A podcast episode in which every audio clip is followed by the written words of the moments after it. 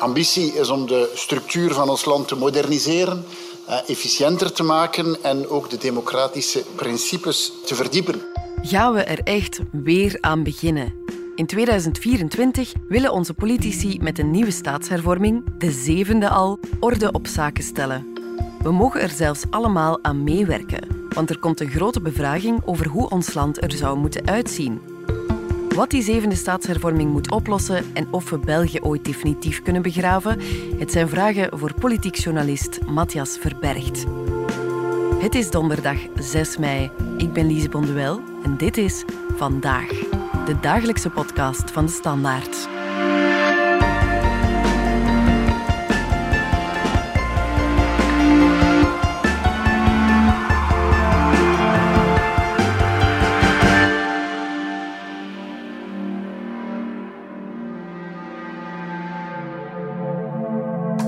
Matthias Verbergt, super tof. Er komt niet alleen uh, een nieuwe staatshervorming, maar ik mag er ook nog eens over meepraten en meedenken ook.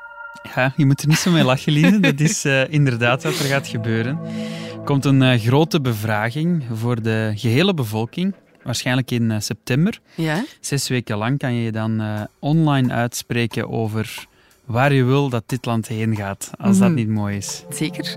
Um, maar we gaan toch geen staatshervorming regelen via een referendum? Nee, dat klopt. Hè. Dus het is uh, zeker geen referendum. Um, het is een manier van de regering om de bevolking te betrekken bij zo'n oefening. Mm Iets wat ze bij haar aantreden al had beloofd dat ze dat zou doen. En normaal wordt zo'n staatshervorming in uh, kastelen zoals Hertoginnedal bekokstoofd tussen de partijvoorzitters.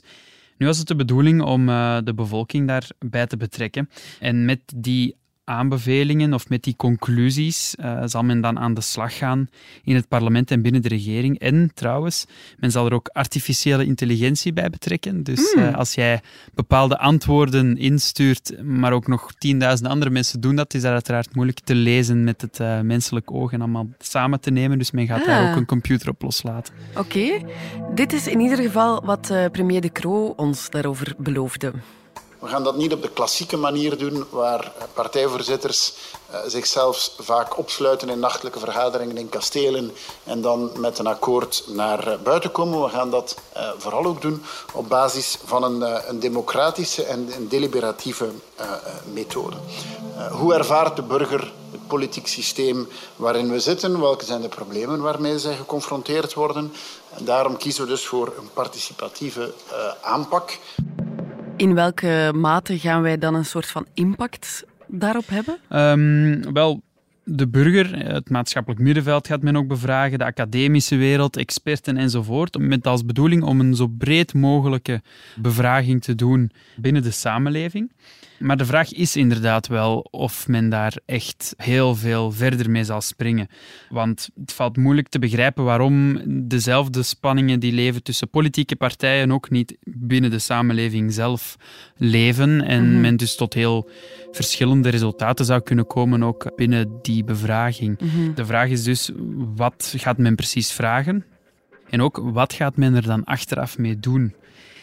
En het valt op dat de regering daar tot nu toe redelijk op de vlakte over blijft, heel vaag. En dat is gemakkelijk, want dan kan je achteraf ook zeggen, ja, maar kijk, we hebben ook nooit gezegd precies wat we met die bevraging zouden doen. Ja, en je zegt dat het heel vaag is nog, niet echt concreet. In wat uitziet dat? Wel, om een voorbeeld te geven, eind vorige week stuurde de regering een persbericht uit. En ik zal een klein uh, stukje voorlezen daaruit um, en zien of het je iets wijzer maakt.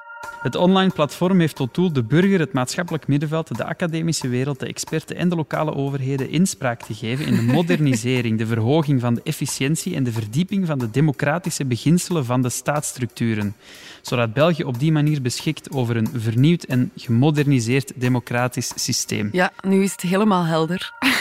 Alsjeblieft. Maar het is nu al duidelijk dat die zesde staatshervorming zeker niet de laatste stap is. Dat werd trouwens ook al door verschillende bewindsvoerders en opiniemakers in Vlaanderen en ook in Wallonië gezegd. We zijn er in elk geval van overtuigd dat we ook in de toekomst met onze Waalse, Duitsstalige en Brusselse vrienden verdere stappen in die richting zullen zetten. Ja, dat was Jan Peumans in 2011 na de zesde staatshervorming. Hij wist toen al dat het nog niet af was. Want ja, Matthias, we hebben nu al zes staatshervormingen achter de rug. Dat is telkens een bijzonder moeizaam proces. Het Vlinderakkoord van 2011 duurde 459 dagen voordat we het hadden. En nu is het weer niet goed. Ja, België is een federaal land, hè, dus ehm, wij worden niet meer eh, helemaal centraal aangestuurd. En het is wel kenmerkend, ook zeker voor die Belgische federatie, dat die eigenlijk constant in beweging is. Mhm. Het bouwwerk zal misschien wel nooit af zijn. Nu, ik denk wel dat we op een aantal vlakken op een soort kruispunt zijn gekomen, waarbij we de logica die is ingezet in de jaren 70 en 80 van de vorige eeuw op zijn limieten botst. En waarbij we naar een soort toch nieuwe conceptie van, van België moeten gaan. De vraag is natuurlijk in welke, in welke richting eh, die gaat. Maar of het daarna effectief afgelopen zal zijn voor altijd, dat betwijfel ik inderdaad uh, ten zeerste. En op welke limieten zijn we dan nu gebotst?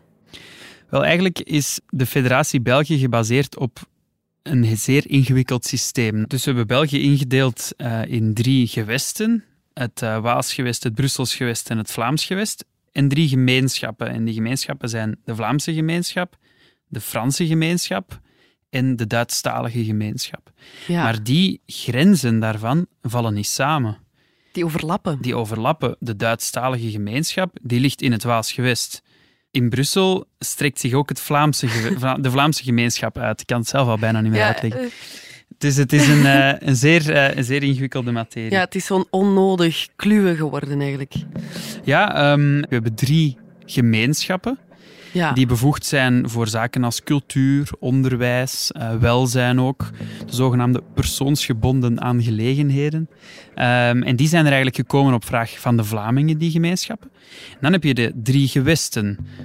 Brussels hoofdstedelijk gewest, Vlaanderen, Wallonië. Ja. En zij zijn bevoegd voor zaken als ja, energieruimtelijke ordening, dingen die grondgebonden zijn, zogezegd. Hmm. Maar die lopen in elkaar over. Want bijvoorbeeld in Brussel heb je het Brussels gewest, dat bevoegd is voor die grondgebonden zaken.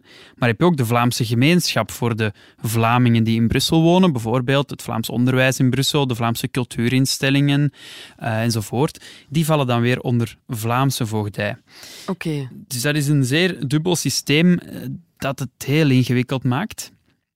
En de vraag is, moeten we eigenlijk niet van die oude logica van gemeenschappen en gewesten afstappen om naar een, soort nieuw idee te gaan?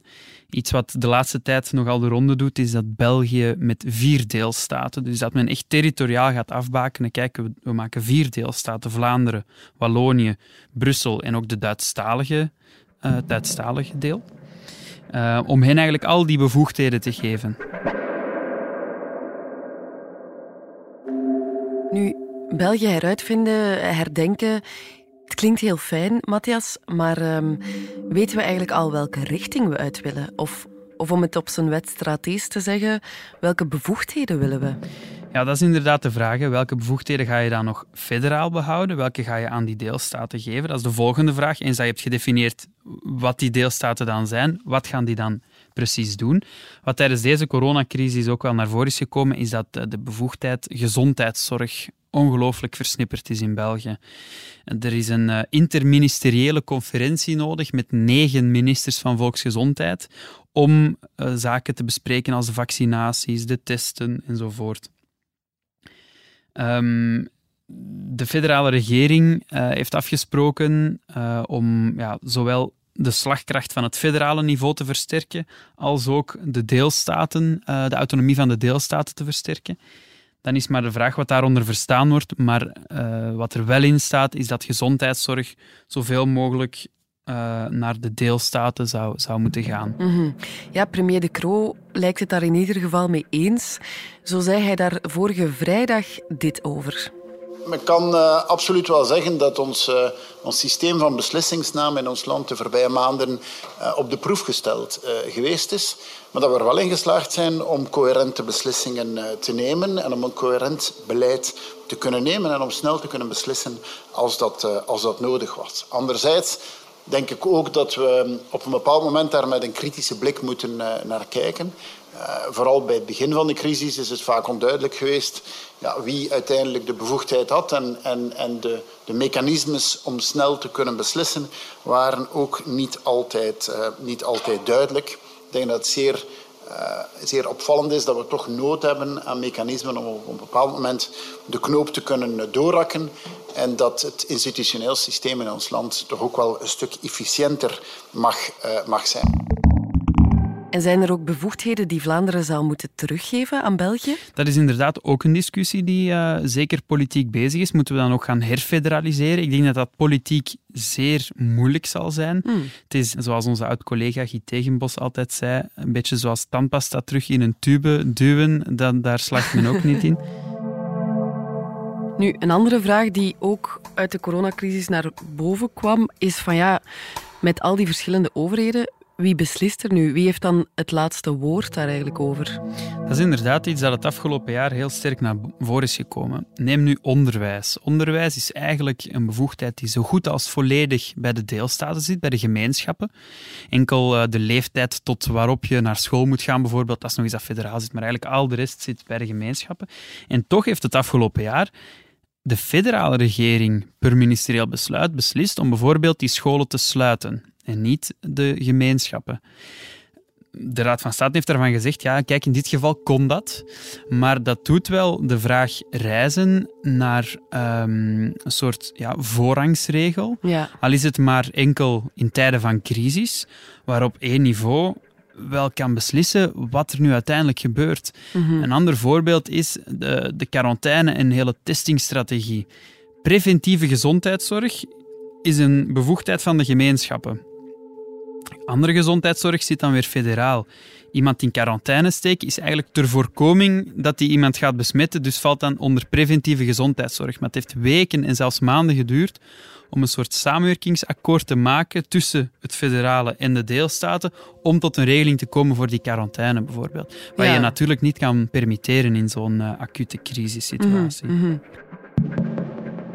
Nu, we gaan er heel even uit voor iets belangrijks.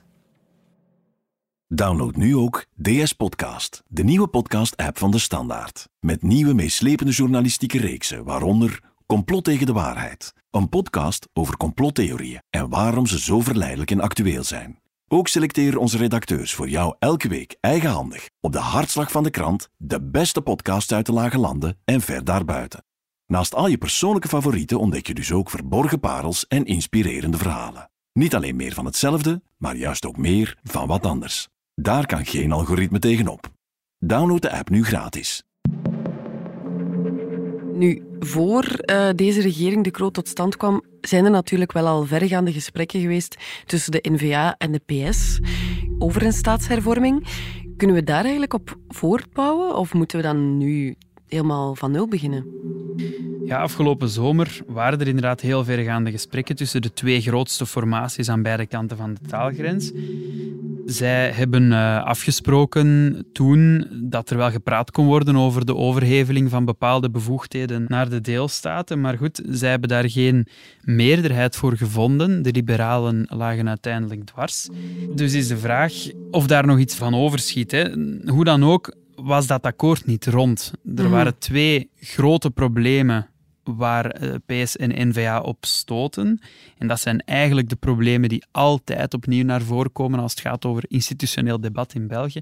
En dat is één, Brussel. Wat met Brussel? Ja. Want Brussel, zoals gezegd, valt dus binnen die Vlaamse gemeenschap, maar is ook een apart gewest. Ja, als je Brussel dan als een apart gewest gaat beschouwen, de VUB bijvoorbeeld, is dan eigenlijk niet meer Vlaams. Want Vlaanderen heeft niks meer te zeggen ah, over Brussel. Ja. De Ancienne Belgique, juist hetzelfde. En een tweede aspect is de financiering. Want als het Brussels gewest bijvoorbeeld op zichzelf komt te staan, dan, uh, afhankelijk van hoe je het bekijkt, maar dan uh, is de kans heel groot dat zij er financieel uh, niet helemaal uit geraken. Hetzelfde voor als je heel veel van de bevoegdheden, wat bijvoorbeeld sociale zekerheid betreft, overhevelt naar de deelstaten. Wallonië is een deelstaat die het qua interpersoonlijke solidariteit moet hebben van uh, nogal wat transfers vanuit Vlaanderen. Mm. Dus de vraag, kunnen zij het alleen wel rekken?